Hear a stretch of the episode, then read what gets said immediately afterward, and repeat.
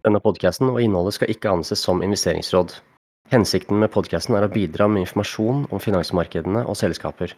Podkastvertene er selvlærte hobbyinvestorer og ikke finansielle rådgivere. Informasjonen som gis i podkasten utgjør kun våre personlige meninger. Hvis du legger vekt på noe du har hørt her, gjør du det på egen risiko. Verdipapirer som diskuteres i podkasten skal ikke forstås som en anbefaling til å kjøpe, holde eller selge nevnte verdipapir. Podkastvertene kan være direkte eller indirekte eksponert mot verdipapiret som diskuteres. Hei og velkommen til StockUp, en podkast om finansmarkedet og aksjer. Mitt navn er Faruk, og med meg har jeg Kenneth, så kjent som Dark på aksjeforumer. og han far på aksjeforumene her og Discord. Ja, Kenneth, eh, har du hatt en fin ferie? Lenge siden nå. Absolutt, ja. Nei, det har vært bra ferie der. eh, Altså, vi, jeg tok jo ferie litt ti- tidlig, på en måte. Være en tur i Danmark og sånn. Det var helt supert. Veldig varmt. Og så nå i det siste, tatt litt ferie nå, da har det vært, eh, ja Jeg tror alle kjenner til Hans, så at det regner jo mye. Hva med deg? Nei, jeg fikk jo gleden av å, av å treffe deg når du eh, flytta, gjorde ikke jeg det? Stemmer det, stemmer det. Ja, og vi var innom på McDonald's. Ja, måtte sjekke ut forholdene. Altså, eiere må alltid følge opp eh, bedriftene sine, vet du. Ja, det er den beste Big Mac-en jeg smakte. Takk for det. Takk for at du spanderte. Ja, det var digg. Nei, men eh, nei, jeg hadde en flott, eh, flott ferie. Ferdig med i gamlejobben. Begynt uh, nå ja, tredje dagen på ny plass. Savner den gamle jobben allerede, men uh, uten tvil bedre for, uh, for familien at jeg jobber uh, bare ti minutter unna jobb og, og kan sove rett og slett én time lengre på morgenen. Så det har faktisk veldig mye å si for trivselen hjemme. Men jeg savner jobben min, så det er litt vemodig. Men lønna er jo betraktelig mye høyere, og det var fint å se at lønnsslippen var 6000 kroner høyere netto utbetalt enn forrige måned, så det, det hjelper jo på. Ja, det er deilig. Jeg tror det er, jeg tror det er sunt, sunt, Ja. At det liksom du føler at forandring, på en måte, at det er eh, Ja, at det ikke gjør vondt, men at, eh, at du kjenner det, på en måte. At du for da blir glad i det stedet du var, og det tror jeg er positivt. Da har du liksom hatt det bra. Men eh, det kan jo bli, bli like bra sikkert det nye stedet også. Ja, det, det må det bli, for jeg, jeg har tenkt å bli der noen år. Det er så bra. Det var etterlengta at vi reiste, reiste litt bort, hele familien. Både jeg, samboeren og, og begge ungene mine. Så vi har vært uh, i Spania en uke, uh, noen dager i Sveits og så i Kroatia en uke. Så det var helt fantastisk, rett og slett. Deilig. Men uh, eh, det er dyrt å være norsk i utlandet. Ja, jeg skulle til å spørre, hvordan var kaffen i, i Sveits? Ja, hva skal man si? eh, 93, 93 kroner for, eh, for en eh, kopp med cappuccino. 93 kroner. Eh, Heldigvis var det ikke jeg som betalte den. eh, Den måtte søskenbarnet mitt eh, faktisk betale. Insane. Nei, vet, du, vet, du, vet du hva? Det er helt, helt blåst. Og så, så tenker man ja, men eh, som Maria pleier å si, ja, men Sveits er et uh, dyrt land og hele pakka. Uh, nei, uh, det er faktisk ikke Altså, ja, det er dyrt, men her får du en dobbel whammy, altså. Jeg var i, uh, i Sveits sist i februar 2020, rett før jeg holdt på å si verden stengte ned. Og da sto sveitserfrangen i eh, 9,40, og den var i snitt på kontoutskriftene, skal vi se, 11,7. Så det gir en 24,7% styrkelse av sveitserfrangen mot norske kroner på ja, tre, ja, tre og et halvt år. Så eh, vi følte veldig på at norske kroner ikke er verdt noe. Og så må jeg bare komme med en liten rant til, til norske finansmedier og eh, den eh, eksperttittelen som ikke er beskytta, da. For eh, jeg og deg også kan kalle oss finanseksperter. det er at eh, jeg så hun eh, ene seniorøkonomen på NB Markets gikk ut og liksom fraråda folk til å reise til utlandet, og så kom det masse artikler i VG, Dagbladet, Dagens Næringsliv og så mye koster eh, middag i Spania, og så mye koster det på dagligvare i Spania, og skremte folk helt fra å reise, ikke sant? Propaganda. Og tenkte jeg da. Og det som var spennende når vi landa, Kenneth, jeg har aldri vært på sånn her charterferie til Spania før. Og eh, vi valgte det sånn at uh, sønnen min kunne lære seg å, å, å, svømme i basseng, og at vi kunne ha litt sånn rolige for, forhold, da, uten masse familie rundt og, og sånn som, som, det er da i, i, i Sveits og Kroatia. Og så, uh, når vi landa, sjekka inn på hotell og, alt sånt der, så skulle jeg innom dagligvarebutikken. Og dro da innom den nærmeste, for jeg gidder jo ikke å eh, vaser rundt i 37 varmegrader. Så drar jeg inn på en dagligvarebutikk, og så tenkte jeg jøss, norsk finansmedie hadde rett. Iskaffe 40 kroner. Det er jo helt sjukt. Og så eh, holdt på å si eh, Et brød kosta jo fire euro. Så tenkte jeg det her er jo ikke bærekraftig for spanjolene, liksom. Så jeg ringte en kompis som har bolig på Mallorca, og spurte hvor jeg kan handle uten å bli flådd. Og så var det en kjede som heter Roski, og en annen som heter Male, Malecadonia, og en annen som heter Carrefour. Carrefour er jo, apropos Carrefour, at ATD ønsker jo å kjøpe dem opp. Og når jeg sjekker på Google Maps, så ser jeg at det er syv kilometer å gå én vei til Eroski.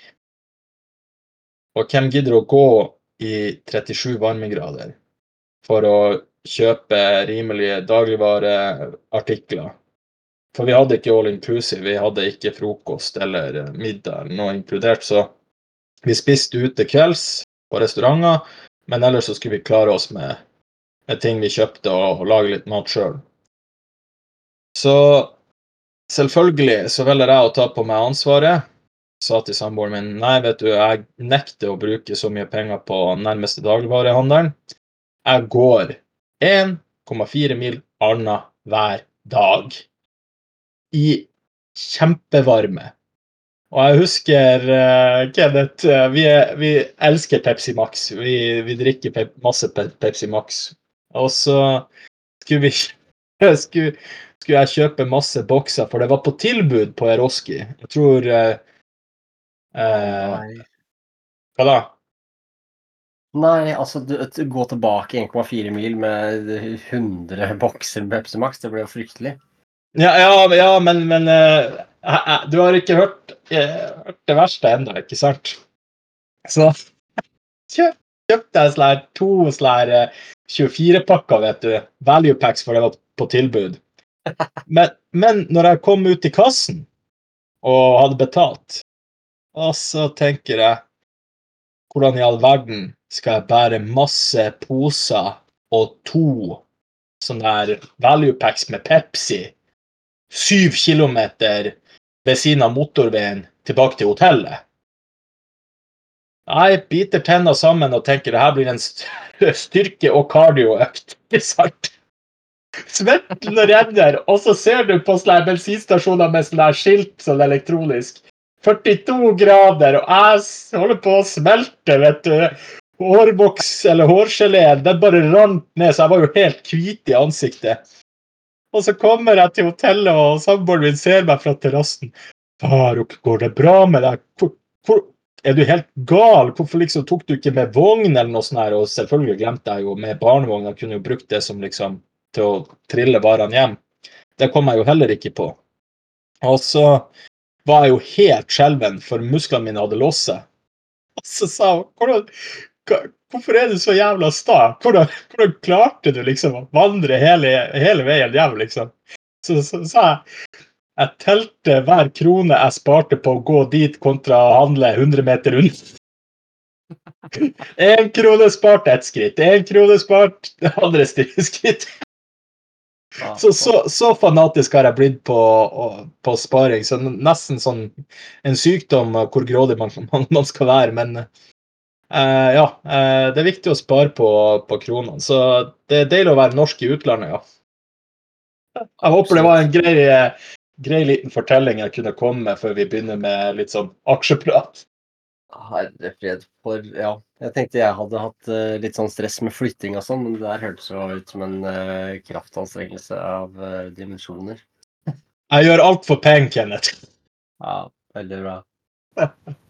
Veldig bra. Ja, hvordan har det gått med din portefølje i det siste? Ja, altså jeg, Det har gå- det, Altså, altså opp for året så er det sånn 7% cirka. Altså siden sist oppdatering for et, ja, et par måneder siden så er det jo ned 5 men mye er jo pga. valuta. Eh, eier jo stort sett pa- papirer i dollar og canadiske og litt svenske papirer. Det er eh, på en måte storyen her. Hva med deg? Ja, egentlig det samme. Ned 5 siden starten av juni. Og det er som uh, følge av uh, svekkelsen av, uh, av dollar og canadisk dollar og pundet og sveitsisk frang. Men jeg trøsta meg med at uh, utenlandsturen var marginalt billigere da, kontra om jeg reiste en måned før. Så sånn sett så kan man si at jeg har tjent inn det. men uh, men uh, nei holdt på å si, Jeg bryr meg egentlig ikke om valutasvingningene så mye, så lenge selskapene mine leverer fundamentalt bra. og Jeg har jo fått fulgt med en del under resultatsesongen på, på ferie. og ja, Det er bare å ta, seg, ta av seg hatten, og jeg, jeg føler meg veldig komfortabel med det jeg sitter på. Eh, og så har jeg jo eh, siden sist vi spilte inn en eh, sånn markedsoppdateringsepisode, så har jeg kjøpt faktisk en ny posisjon som er litt spennende å dele, dele med lytterne. Murphy USA. Og du vet, eh, vi har jo snakka en del om Murphy USA, og jeg har jo snakka om den i, i, i, på Discord også. Og jeg kjøpte den som en form for eh, hva man skal si, kompensasjon for at jeg ikke får visa til den prisen jeg ønsker. Egentlig var planen å kjøpe visa, men den har jeg sletta fra watchlist fordi jeg får samme vekst i, eh, i inntjening og gjennom buybacks på Murphy USA, eh, samtidig som at jeg får eh, samme prosentvise marginøkninger. Altså ikke selve profit margin, men marginøkninger som viser til en tredjedel av multippelen til Visa. Og Murphy USA er typ det samme som ATD, bare litt mer risky bet. De eh, driver kun med bensin- og diesel, altså fossile eh, drivstoffstasjoner. Kjempepopulær. Og husk at kun 1% av bilflåten i USA er elektrisk. Resten er sånne store pickups og store biler som er gjerne fossildrevet. Så Murphy USA eh, er godt posisjonert der, samtidig som de har en spesiell avtale med Walmart. Så på hver Walmart-butikk så har, finner du en Murphy USA-bensinstasjon. Så har de 20 millioner medlemmer, eh, der du har sånne her rabatter og diverse. Samtidig som Murphy USA har også kjøpt, eh, kjøpt opp eh, noen sånne kiosker også. Så jeg liker litt de her eh, såkalte utdødde eller dinosaurselskapene som har sykt bra med cashflow. Eh, Murphy USA kommer til å kjøpe tilbake 30% av aksjene sine innen 2027 er omme. Og eh, de, eh, de gjør veldig gode strategiske oppkjøp, samtidig som at de har begynt å utbetale utbytter til aksjonærene sine. De begynte for eh, tre år siden, og så øker de utbyttet hvert eh, kvartal, noe jeg liker veldig godt. Earningscon deres som, eh, som de presenterte forrige uke, eh, var ikke den beste, men eh, outlooken ser veldig, veldig bra ut. da. Og aksjen er rimelig. Jeg tror den ligger nå på en P på 11, og den har en K-guard på mellom ja, 30 og 40% så, og en Dayguard på, på ja, 20% så jeg regner med at det der kan fortsette. Og de har en payout ratio på hva det var, 6% som er halvparten av ATD på 12 Så utbytteveksten kan, kan uh, fortsette, samtidig som eh, de kjøper tilbake aksjer. Så jeg ser på uh, Murphy USA som et veldig sikkert bet. som jeg sa til en av brukerne på discorden, jeg skal ikke komme med noen direkte anbefalinger, men den har en market cap nå på litt under 7 milliarder dollar. Og jeg tror uh, den vil doble seg innen fem år. Altså at du får 20% annualisert avkastning hvis du kjøper aksjen til dagens prising. Så det Jeg kjøpte litt mer uh, ATD i tillegg. Så det er de endringene jeg har gjort i min portefølje, og ser frem til å kunne kjøpe kanskje noen andre nye posisjoner også utover høsten. Nettopp. Høres eh, veldig solid ut. For egen del så har jeg faktisk også åpna en ny posisjon i dag. og det er i American Water Works. Tenkte du Pass, ja. det? Yes. likte altså. Ja, jeg har hatt lyst på den ganske lenge, og nå syns jeg at den, den, den, ser bra ut. Eh, altså, den er jo dyr, selvfølgelig, men de har god track record med å, å, greie å vokse det de skal, på en måte, for at det toget skal gå videre. Ja, og så leverte de og så leverte de, unnskyld at jeg avbryter, men så leverte de også en 20 DPS-vekst på forrige rapport, gjorde de ikke det? Mm. Ja, ja, det er jo veldig, det er veldig Ja, det, det drives, det drives veldig bra. Det liker jeg. Så er det litt sånn ja, Det blir jo nytt, uh, liten hedge, på en måte, fremover. I tillegg til en ny posisjon i American Motorworks, så, så har jeg kjøpt uh, økt litt i oljemyggene mine. Det er små canadiske uh, selskaper som, som, investerer i olje- og gassressurser. Det ene heter Rook Resources, og det andre er Tenace Energy. Dette er selskaper som er under 100 millioner norske dollar i market cap, så det er på en måte en, en vekststory. De har ikke utbyttepolitikk enda, men de har for vane å, å implementere det på et eller annet tidspunkt. Også som en hedge så har jeg kjøpt litt eh, mer i, i eh, den TLT, altså iShares ETF-en, som, som, kjøper 20-årige statsobligasjoner i USA. Eh, har, fordi det siste så har det vært et, et veldig oppgang i, i, rentene, de lange rentene, og da har prisen på den NTF-en kommet ned.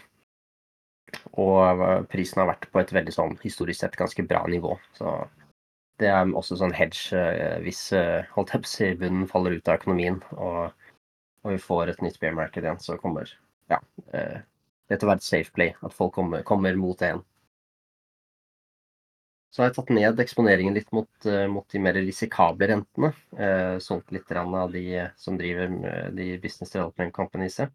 Og så har jeg faktisk, etter lest rapportene til Siemens Gamesa og, og Vestas, så har vi solgt eh, Brookfield Renewable. Eh, rett og slett fordi at det virker som vindkraft dine eventyret blir skikkelig ræva. så da tenkte jeg gidder jeg ikke det, og den har falt litt etter det solgte, så det virker som det kan være greit å komme seg ut. Um, ja, så det er det justeringen som jeg har gjort. Brookfield så ikke jeg for meg at du kom til å selge med det første, så det var litt sånn overraskende.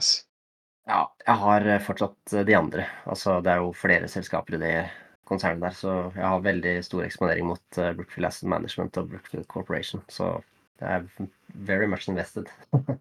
har du lest at Brookfield Nå vet ikke jeg om det er morselskapet Brookfield og BlackRock er netto selgere uh, i Q2 for commercial real estate i Nord-Amerika? Ja, jeg fikk i hvert fall det med, med BlackRock. Altså, jeg vet at uh, et par av, av Office-delene uh, til Brookfield også selger de nå? De har jo solgt en, en del, de selger jo ting hele tiden. Men de har jo litt mindre eksponering enn det BlackRock har. Men ja. Ja, men jeg så at de var ganske aggressive på å komme seg ut, for de har solgt mye med tap. Rett og slett bare sagt uh, at uh, der vi, vil vi ikke være med på lenger, uh, er min tolkning, da. Ja, jeg tror den eksponeringa de har på, på, i Corporation er sånn rett under 5% eller noe mot, mot commercial Nei, mot ja, Office. så det, ja, det er ikke sånn veldig det er andre deler av den virksomheten som er veldig interessant, særlig forsikringsdelen og, og infrastrukturdelen. Er det noe holdt på å si, er det noe du følger med på i markedet av selskaper du har tenkt å investere i, som på en måte du ønsker å kjøpe, eller har et ekstra, eller holder et ekstra øye på? Absolutt. absolutt. Det, det er jo disse oljeinnbyggerne mine, for jeg syns de er veldig spennende. Jeg kan lage en episode på det seinere, men uh, også ser jeg Jeg følger ganske mye mer på McDonald's nå. Uh, jeg ønsker at den skal komme litt mer ned, og så kommer jeg til å kjøpe mer. Uh, og så har jeg, holdt jeg på å si Ja, ASML har jeg veldig på, på watchlisten. Og så har jeg faktisk begynt å gjøre en god del research på et, et tech-redskap som ikke betaler utbytte, faktisk. Det er litt corny, men, men, det er et sånt selskap som heter Crowdstrike, som er et sånt cyber security-selskap som har en helt ekstremt interessant teknologi. En helt uh, vanvittig vekst, men det er jo sykt overprisa, ikke sant. Men uh, hvis vi får en reversering av Nasdaq, så kanskje. Kanskje den kommer ned på ålreite nivåer. Men uh, vi får se. Det er Ja. Jeg tror i hvert fall verden blir veldig digitalisert fremover, og teknologien deres den er sånn endpoint security-opplegg. Sånn at det er devicene de, de sikrer. Eh, og det tror jeg kommer til å være ekstremt verdifullt når på en måte alt blir eh, Alt skal ha en chip, på en måte. Så markedet deres blir på en måte ja, ubegrensa. Uten tvil. Sjøl eh, ser jeg at Bunzl i, i England har falt ned til min price target, men jeg har ikke noe ledig kapital før senhøsten å, å kjøpe dem. Eh, og sammen med Canadian Utilities leverte en god rapport, men pga. skogbrannene i, i Canada så er mye av infrastrukturen deres eh, holdt på å si, krever vedlikehold eller har sittet mange prosjekter på vent, som har gjort at uh, Canadian Utilities prises til helt latterlige billige nivåer. Altså. Jeg tror du får hele free cash-flowen til, til, til prisen av det du betaler for i dag. Så den er veldig høyt på ønskelista mi. Og så har jeg jo nevnt på Discord og, og til deg den der uh, Advanced Drainage Systems, altså ticker WMS. Det er også sånn midcap uh, USA, litt som Murphy USA, som er helt fantastisk. Uh, jeg tror det er på nivå med Murphy USA og ATD på, på vekst. Så den, den håper jeg på å plukke, men den ryker jo ja, altså Den fyker jo av gårde til nye all time highs hele tida, så jeg vet ikke om jeg noen gang kommer meg inn. Så det er viktig Jeg tror, jeg tror det er viktig for lytterne uh, om man har en uh, Om man har uh, både røde og grønne tall og ser Altså Hvis man ser Altså, mye, mye, i markedet er bakgrunnsstøy. Jeg tenker man må bare holde seg tro til den strategien som passer en sjøl, og bare bygge stein på stein. Og det viktigste er jo å investere i seg sjøl, og ikke minst eh, eh, komme bedre ut av det i enden av tunnelen. Og ikke bli bitt av FOMO eller stress med høye, lave rente, resesjon, ikke resesjon. Selv om vi snakker mye om det, så, så er ikke det det som eh, avgjør om vi investerer i et selskap eller ikke. Eh, er ikke du enig? Jo, helt enig. Det er et veldig viktig poeng det du sier der. Altså, det, det, å ha en strategi som man føler er riktig, og så holde seg til den, det tror jeg veldig mange kommer til å tjene veldig gode penger på. Hvis man bytter strategi hele tida, så blir ja, det blir vanskelig å tjene gode penger. Ja, og så eh, jeg tenker som sådan eh, bare et, eh, et, eksempel, da. Hershey Company, altså sjokoladeselskapet fra USA. Eh, det er et av mine favorittselskaper. Ikke fordi at jeg eier det, men fordi de har et veldig sterkt eh, brand i, i Nord-Amerika og har nydelige marginer og et, et, en sterk ledelse som har vært der i to tiår. Og altså eh, Earningsene er opp. De økte utbyttet sitt med 15 for 14. året på rad. Og liksom Aksjene er kanskje 10-15% på en måned. Så folk blir litt sånn usikre, kanskje man selger seg ned og sånne her ting. Men jeg tenker sånn her Det eneste jeg er ute etter som investor, det er eh, etter mer verdi og garantert EPS-vekst. Og det er noe det selskapet gir. Eh, altså, mange kjøper et selskap eh, for det er hype rundt det, og så tenker man ja, EPS eh, er ned, og det verste er forbi oss. Men så tenker jeg man må ta det litt i realøkonomien også. Hadde folk godtatt å gå, gå ned i lønn kontra i fjor, eller året før der igjen Jeg hadde aldri akseptert å gå ned i lønn. Så hvorfor godtar man at selskapene man eier, gjør det? Cashflow er det eneste som betyr noe. Punktum. Det er ingen andre grunner til, til, andre grunner til å eie, eh, eie et selskap no, noen som sier noe annet, det, det, er bare løgn og tull, og ikke minst bluff. Har det skjedd mye ellers i markedet som du ønsker at vi skal snakke om litt eh, med, om, eh, ettersom at det er første episoden etter ferien og sånn, så er det jo litt artig å komme i gang. Absolutt. Nei, altså vi kan jo altså, Nå har jo storyen siste måned, siste året vært inflasjon og alt mulig, så man kan ta et raskt dykk innom der. og bare nevne noen tall. Altså, vi har I Norge så er det fortsatt høy inflasjon, 6-7 eh, Forhåpentligvis kommer det nedover etter hvert.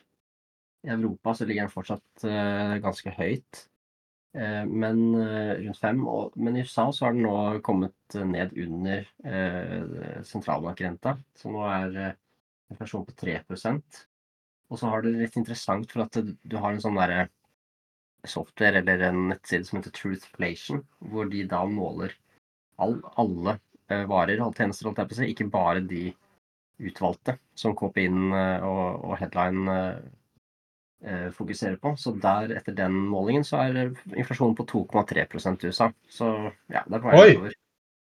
Såpass, ja. ja. Så vi får nye tall snart, og, ja, så det blir interessant å se. Men Kina de har jo nå printa deflasjon. de hadde minus 0,3 nå. Og jeg tror man kan kanskje Altså, de sier jo gjerne at eh, KPI-ene ikke Det er ikke kun ledet av det, men KPI-ene påvirkes veldig av produsentprisinflasjonen. Altså hvor mye koster det for altså utprisen til produsentene. Eh, og eh, den, den, er negativ nesten over hele fjøla nå. Altså at det er deflasjon. Og I USA så er det på 0,1 foreløpig pluss, men i Europa så er det minus 0,4 og Kina minus 0,2. Og de pleier som regel å, å, å lede KPI-en med tre til ni måneder. Eh, så det kan jo kanskje signalisere at, at, du får deflasjon på et eller annet eh, tidspunkt. Men eh, så er jo, ikke sant, sånn som vi har vært inne på tidligere, oljeprisen er på vei opp igjen, så den utgjør jo en god del av KPI-en. Så det er ikke godt å si. Men det i hvert fall begynner å også Trenden går i riktig retning, i hvert fall. Ja, men jeg, jeg, jeg holdt på å si Tro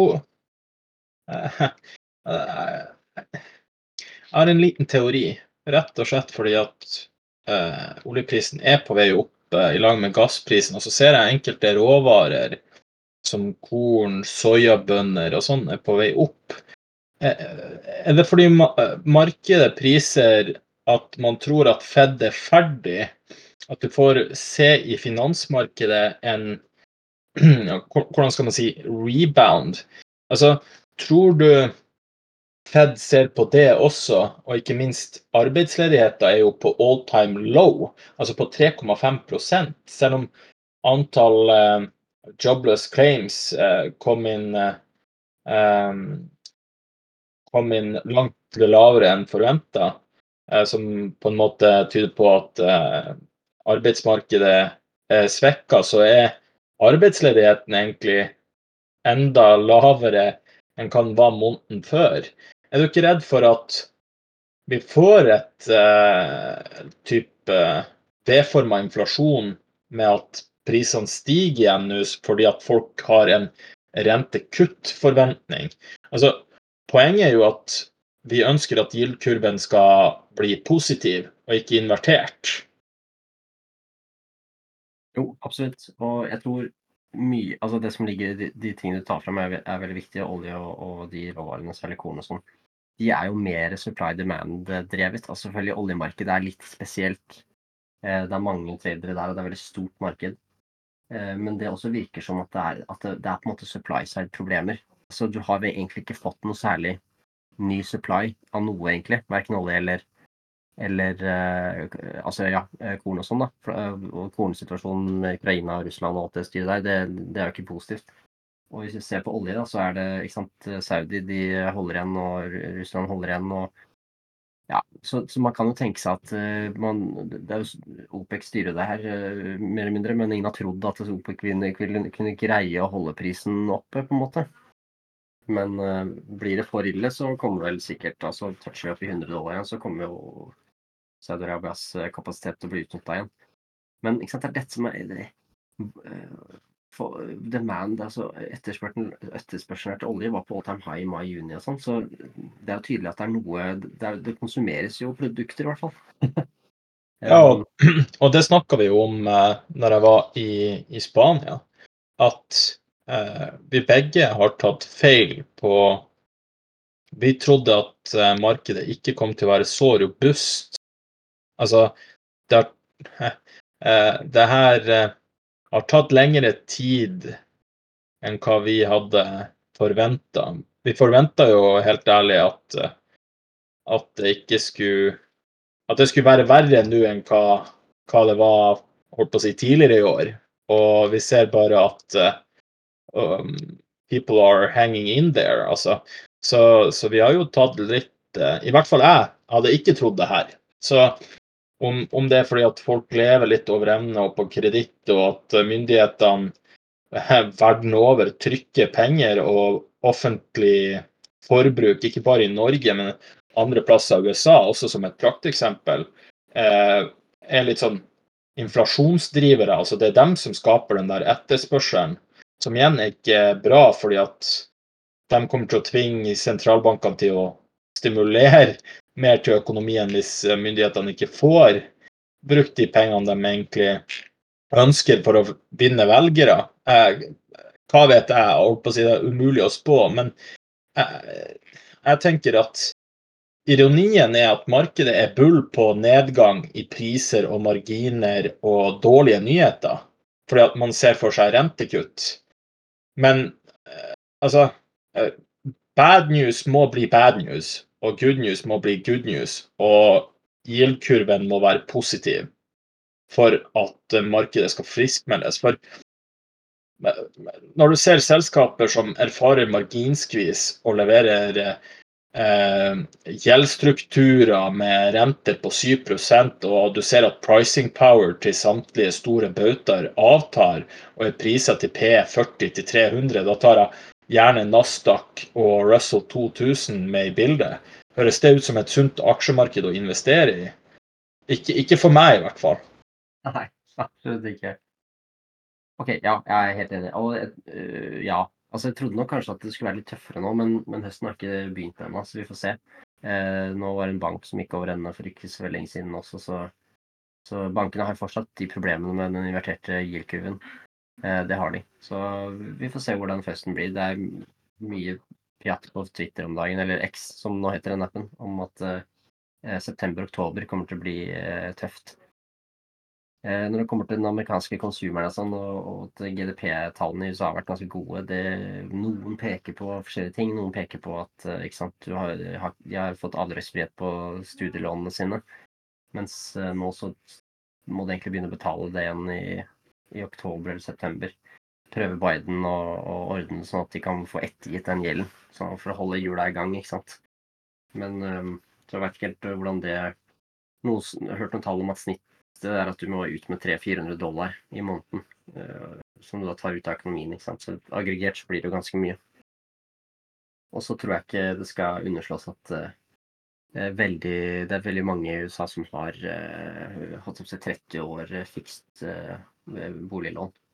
Og bedriftene der er ganske gode til å binde renta, i hvert fall de aller sterkeste. Så de skaffer seg finansiering med, med fastrente, og, og du hadde jo tidenes mulighet til å gjøre det under korona, når renta var i praksis null. Så det er kanskje effekten av det, da. At disse rentene fra Fed tar på en måte kanskje, kanskje lengre tid eh, enn de normalt ville gjort, nettopp pga. disse effektene. En annen ting som har skjedd i markedet som er litt sånn interessant, det er eh, Du fikk en sånn dobbel whammy på, på de lange rentene i USA eh, de siste ukene. Og noen har pekt på at det knytter seg til Japan og, og altså sentralbanken i Japan. Som har da eh, litt sånn gått bort fra den strenge rentekontrollen som de har. For de har jo, ikke sant, de, de utøver sånn yield curve control, som de kaller det. Og, og det har politikken vært at eh, de tiårige statsobligasjonene i Japan skal ikke uh, gi mer enn 0,5 rente. Uh, og måten de har gjort det på, er at de har da ikke sant, kjøpt tilbake uh, Altså trykka nye penger for å kjøpe tilbake disse papirene for å, for å liksom holde rentene nede. Så det har vært en stimuli da, for økonomien. Og Japan er den største eieren av holdt jeg på å si, lange eh, treasuries, altså lange rentepapirer i USA, som USA utsteder. Så man tror at de har dumpa en del av det og, også. Um, så at det har på en måte fått den effekten at rentene renten har gått opp for etterspørselen etter, etter da lange rentepapirer i USA har gått ned. Og det, det, har skjedd samtidig som at gjelden, altså finansministeren i USA, har annonsert at de skal, de skal selge helt ufattelig mye gjeld andre halvdel av året. Det er snakk om trillionbeløp. Jeg husker ikke helt beløpet, men, men det er i hvert fall veldig mye. Og det er jo tilbud etterspørsel på det også, ikke sant. Normalt så er det ikke noe problem for, eh, for USA å låne penger av markedet. De har vært trippelrate av økonomi, ikke sant. Så tryggeste stedet å, å låne pengene til. Nå har det blitt nedgradert av Fitch også, så nå har de ikke noe trippel A-rating lenger, bare dobbel A. Og eh, når du får liksom den største kjøperen i Japan, som kanskje ikke er så gira på å kjøpe lenger, eh, og du skal Eh, utstede rekordmye bonds, så kan det bli interessant. Altså. For at, sant, Hvis det ikke er nok kjøpere der ute, så må du tilby dem bedre vilkår. Da, da går renta opp. Så vi får se hvor, hvordan dette, hvilken effekt det her får på markedet. Ja, definitivt. Det veldig godt poeng. Ja, kjempe. Det blir veldig spennende. Men ja, hva tenker du om The Magnificent Seven? Ja, eh, ja, kanskje jeg kommer til å overraske eh, noen lyttere positivt som er eh, mer positive til de her aksjene. Og nå tar jeg det her kun fra husk og, og sånn, så ta det her med en klype salt. Altså, av alle selskapene der, så er det kun ett selskap som har imponert meg. og det er Amazon. Så og de leverte eh, god EPS-vekst, eh, bra outlook, og det ser ut som at de gjør veldig mye spennende og interessant innen in cloud og sånn her. Og så, så, så, kommer folk sikkert til å lure på å, er jeg bullish Amazon. Absolutt ikke. Jeg, jeg, er ikke bullish eh, et selskap som prises til en P på ja, 200 eller 300, jeg husker ikke lenger hva det er. Så er det som Tricky fint eh, påpekte på Discord, at du kan ikke bruke P-multipler på å prise Amazon, men mer eh, Hvilke to parametere var det han nevnte? Var det price to free cash flow, var det det? Ja, det var operating cash flow. Ja, operating cash flow. Ja, stemmer. Og så linka han jo til han Mr. Valuation, som Eh, starta Fastgraphs, og jeg så litt på det. og eh, anbefaler andre lyttere til å gjøre det og se på YouTube-linken han Tricky delte på kanalen Aksjer Canada, USA og Canada. For eh, det er noe verdi å hente i, i Amazon, men som sagt, det, det, passer ikke min investeringsfilosofi eh, eh, ref det med utbytte og sånn. Så sånn sett så, så er Walmart mitt eh, eh, consumer og e-commerce eh, play, og har outperforma Amazon, eh, gitt at Walmart presterte mye bedre i fjor også. Så Walmart er jo på all time high i skrivende stund. Og er priset til en litt mer normal multiple, selv om den også er dyr. Så Amazon har levert veldig bra. Kudos til dem.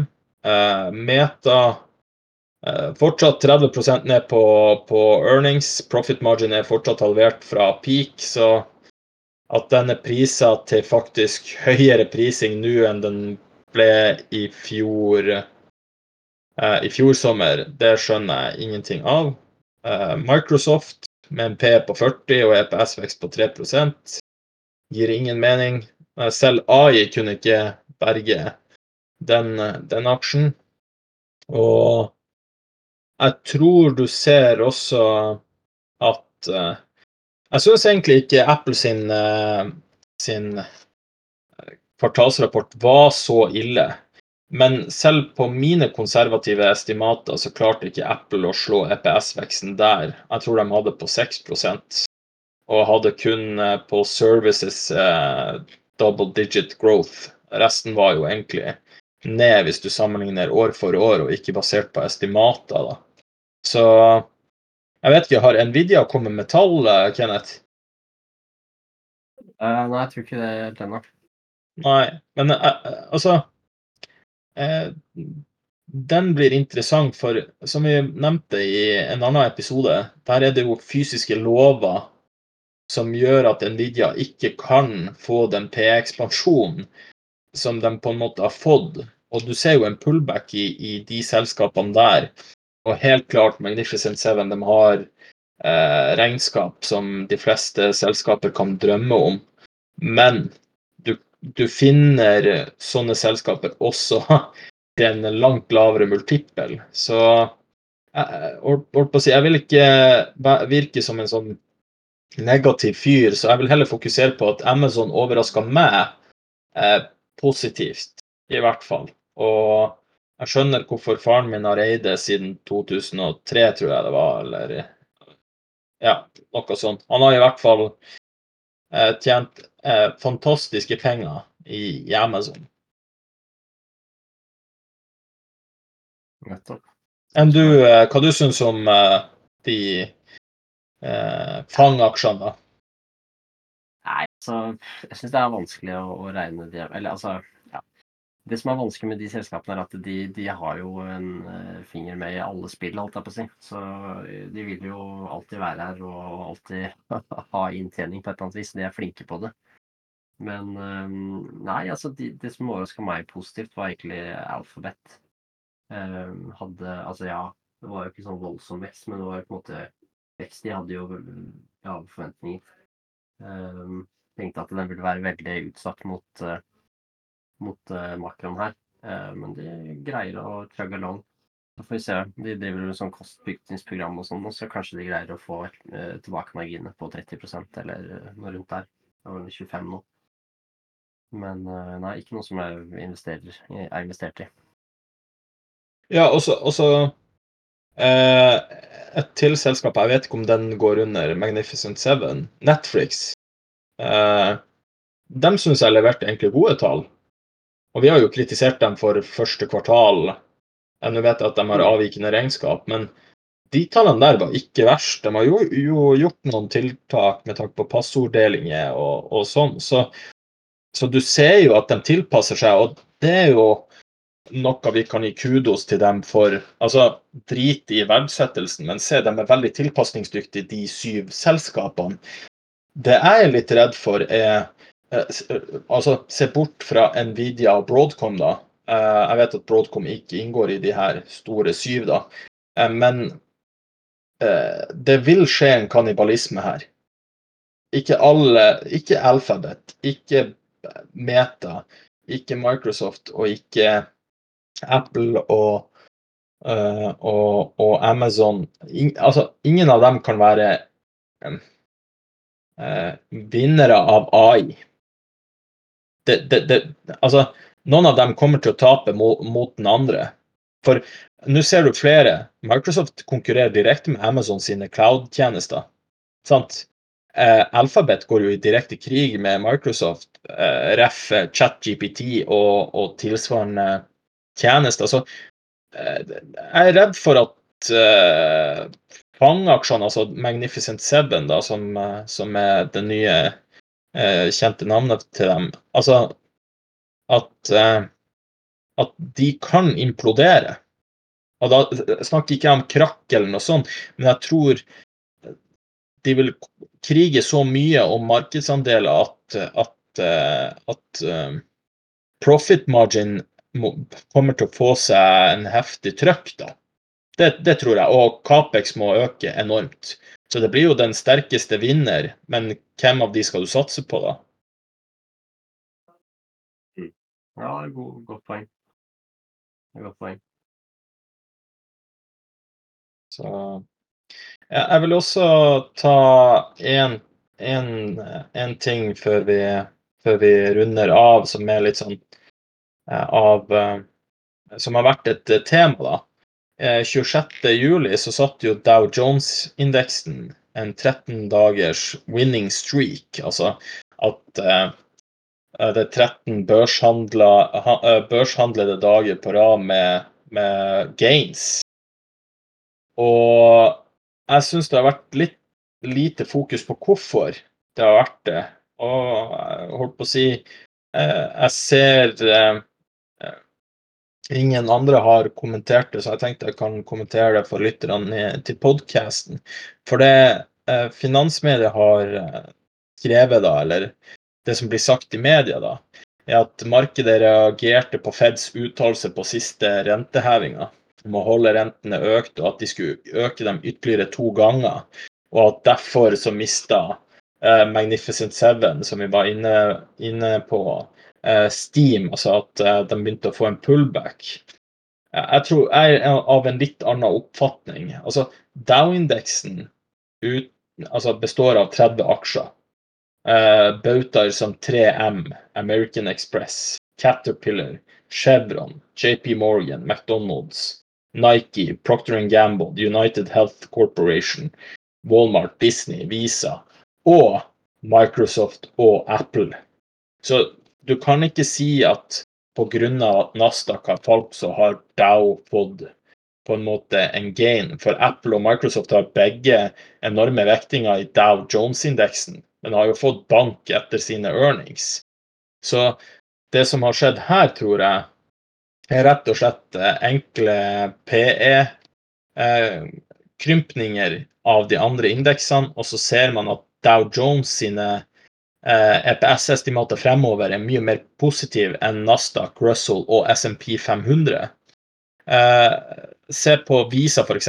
Økte profit margin og EPS er opp 9% Caterpillar, som er en industribauta, jeg, jeg har jo skrytt av Amazon sin rapport, men Caterpillar 75 bunnlinjevekst, altså EPS-vekst. Profit margin dobler seg kontra året før. Og de hadde en revenue-økning, altså topplinjevekst, på 22% I tillegg så økte de utbyttet med 8% Og outlooken er bare bedre. Og det her er jo litt sånn fantastisk, da. For Caterpillar, eh, for de som har fulgt meg på Shareville og Discord, og, og som har snakka litt med meg om gode DJI-aksjer, vet at jeg, jeg, har vært stor fan av Caterpillar. Og var ikke langt unna fra å investere i dem eh, i 2021. Angrer på det selvfølgelig sett i ettertid. Um, men jeg, jeg syns aksjene hadde gått for mye, rett og slett. At altfor mye var prisa inn i forhold til den der infrastructure bill som Biden-administrasjonen eh, eh, hadde vedtatt. Samtidig som du har den der Inflation Reduction Act, som egentlig er en inflasjonsdriver, men funker fantastisk for uh, selskaper som Caterpillar. Og så tenkte jeg China Reopening, som har skuffa egentlig i år etter covid, uh, som jeg egentlig har spådd og snakka om i podkasten, ikke ville være så positiv. Jeg trodde jeg ville slå mer negativt ut for Caterpillar, for de har store markedsandeler der. Men de har henta inn ganske mye fortjeneste på at eh, industrien eh, innenfor eh, råvareutvinning, altså gull, sølv, kobber, eh, you name it, altså infrastrukturbygning, veier, tunneler, eh, offshore og sånn, så har Caterpillar fått enorm eh, pipeline, altså på, på bestillinger, og nesten, holdt på å si, mange oppdrag og mange nye, holdt på å si, kjøre kjøretøy, eller hva man skal kalle de, industrimaskinene eh, som, som, de på en måte har fått enorm etterspørsel på. Så jeg trodde virkelig ikke at de kunne balansere på så mange føtter. Jeg trodde Caterpillar ville være mer syklisk. Og så snakka jeg med faren min, og, som anbefalte meg Caterpillar i 2021. Eh, og sa nei, jeg vet du, jeg kjøper ikke Caterpillar til jeg tror det var 280 de var etter earningscoden. Det sa jeg skjer ikke. Så sa faren min eh, ja, hvorfor ikke? Så sa jeg nei, men det er jo priser inn eh, holdt på å si alt nå. Så sa han det verste av alt at det ikke er det, ifølge han sjøl. For uh, han sa at uh, den der Inflation Reduction Act og den der Infrastructure Bill vil ikke slå eh, altså slå ut på earnings for to-tre år eh, fra nå. Så Caterpillar er sikra så mange kvartaler fremover nå, med bunnsolid vekst, økte marginer, eh, sterk pipeline. Så de, de, er nesten untouchable de neste to årene, kan man si, hvis faren min har, eh, har rett. Men eh, jeg ser også P er på historisk fair value, og, den, og aksjen er på all time high. Så jeg har rett og slett et fantastisk kvartal. Jeg tror det er beste kvartalsrapporten jeg har lest eh, av eh, de største selskapene uh, der ute. Så folk bør kikke litt på Caterpillar, men uh, jeg har litt høydeskrekk av å se på det selskapet der, ja. Skjønner. Ja, fantastisk historie, altså. Også vårt kjære McDonald's. Eh, hva syns du om eh, kvartalsrapporten der? Det er nydelig. Nydelig. Og husker du hva jeg sa til deg før du kjøpte aksjen når vi begge var i pappaperm på telefonen? At ja. de ville slå estimatene, og estimatene var mer konservative. Og jeg lovte deg minst hva 20% Kagar på EPS. Lovte jeg ikke deg det? Jo, du gjorde det. Jeg trodde ikke på, på det, men jeg kjøpte det likevel, og det var bra. Fordi, og så Altså, det McDonald's ikke får eh, holdt på å si, Den hadde fått mye mer hype rundt seg hvis de hadde hatt revenue growth, altså topplinjevekst. Og mange er ikke klar over det, og jeg har sikkert nevnt det når vi snakka om McDonald's, eh, når du hadde analyse på den. Og det at eh, mange har brukt argumentet revenue har stagnert, så McDonald's eh, er for dyr, eller nei, McDonald's er, en døende, er et døende selskap. Men det her er rett og slett pga. deres fr franchisemodell. For McDonald's eier kun 5% av de 40 000 restaurantene de har. Så de lokale franchiseeierne får omsetninga registrert på seg sjøl, og så får McDonald's-konsernet eh, eh, franchise-fis, hvor topplinja kan virke og stagnere, mens egentlig bare bunnlinja øker. Så eh, at eh, revenue har stagnert, er rett og slett fordi at konsernet har ikke satt flere restauranter under sin paraply og har bare de største og mest kjente fortsatt under seg. Så man skal ikke være redd for det. Det er mitt poeng, i hvert fall. Eh, og så tilbake litt til den der Dow Jones eh, winning streaken. Eh, hvorfor eh, har um, cash inflows økt der, altså at uh, Dow-indeksen øker mens Nasdaq og SMP 500 og Russell 2000 har vist svakhet, så er det egentlig bare å se på PE. Uh, akkurat det jeg var inne på, earnings på Dow, Dow, Dow, Dow Industrial Average-indeksen, altså topp 30 um, altså de 30 selskapene som utgjør dem, så er trailing P på 25 der. Og på samme tid i fjor var den på 19,3. Og forward-estimatene nå ligger på 19. Så indeksen er faktisk eh, billigere eh, hvis estimatene stemmer et år frem i tid, kontra hva den var på i 2022, når eh, Dow Jones-indeksen var signifikant ned. Eh, Russell 2000-indeksen har en P på 31, altså ganske høyt. Og den var 69 for ett år siden, og 25 på forward-estimater. Så Russell 2000-indeksen, som er de her small cap-selskapene, som har selvfølgelig mer eh, growth potential, er vesentlig dyrere enn Dow Jones. Så har du Nasdaq 100. Den har en eh, trailing P på 32, og så en P per i dag på eh, 29 ganger forward earnings, som er ganske høyt. Og den hadde en P på 26 i fjor. Så Nasdaq er veldig, veldig dyr, og du ser en stor spread mellom earnings i 2022, hva som er estimert for 2024, og hva den ligger på nå. Så det priser inn at de skal gjøre det veldig, veldig bra. SMP 500 ligger på trailing P på 20, og så var den 22 i fjor, og ligger på forward 21 eh, i skrivende stund. Så den også er ganske strukket, for jeg tror den pleier å ligge på mellom 17 og 18, om jeg ikke tar helt feil. Eh, det vi også har tenkt å, å begynne med, er eh, For hver sånn markedsoppdatering så kan vi nevne noen eh, aksjer som eh, har økt utbyttene sine, som kan også hjelpe DJI-investorer eh, som lytter til episoden, eh, for å hente inspirasjon til hvilke selskaper de kan se på. Og jeg tenkte å, å nevne egentlig helt randomme selskap. Jeg tar ikke med alle, men noen som kan være da interessant. Og Barrick Gold, det er vel mange som kjenner til den. De har økt utbytte med 35% Skywork Solutions 9,7 og så er det et selskap som både jeg og Kenneth har kikka litt på. Og jeg er litt sånn ubesluttsom om jeg vil legge den til, ettersom at jeg eier sjøl Canadian eh, Natural Resources. Og det er Oasis Petroleum. Jeg anbefaler folk å se på tikker CHRD.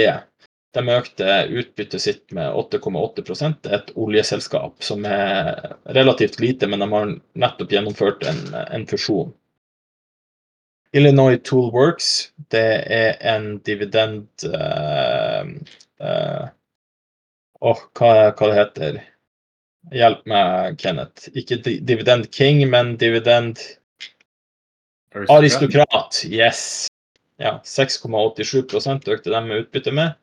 Iron Mountain 5 og vårt kjære eh, Canadian Natural Resources økte med en beskjedne 1,57% Thomson Reuters, som er et uh, advokat-slash-mediaselskap, uh, økte utbyttet sitt på hele 35,4% Og et selskap som har blitt populært på Discord, Service International, et børsnotert begravelsesbyrå, økte utbyttet sitt med 44,4 så har vi oljeselskapene BP og Shell som økte utbyttene sine henholdsvis 10 og 15% Og så eh, konfekt sjokoladeselskapene Mondelez og Hershey økte henholdsvis 10 og 15% på utbyttene, utbyttene sine.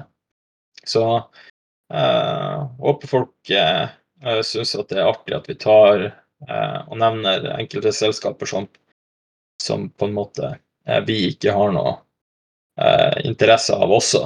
Så får det heller funke som en inspirasjon til at dere sjekker opp og kanskje gjør noen analyser og kanskje finner noe gull mellom gråsteiner eh, i markedet. Har du noe mer å legge til, eh, Kenneth, før vi runder av? Ja, nei, altså Folk må gjerne komme på Discord og diskutere både de navnene som vi har vært innom i dag, og, eller andre, andre ideer. Det er alltid gøy å diskutere selskaper, så det oppfordrer folk til å gjøre. Kan jeg bare komme med en artig kommentar? Kjør.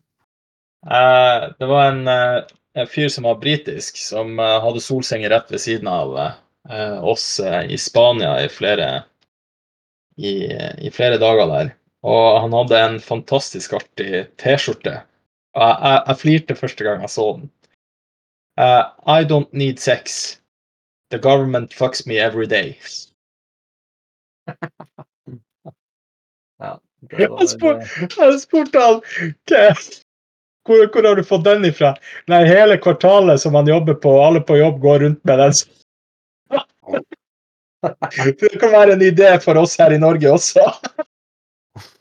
Jeg uh, prøvde å være litt morsom her på, på slutten, så Nei, på, på gjensyn, folkens, og så kommer vi, jeg og Kenneth, til å være mer aktive på, på podkast, og, og gjerne besøke oss. Så skal vi prøve å, å, å bidra til, til å si, eh, litt refleksjoner og, og forhåpentligvis eh, gode kjøpsinspirasjoner i, i markedet.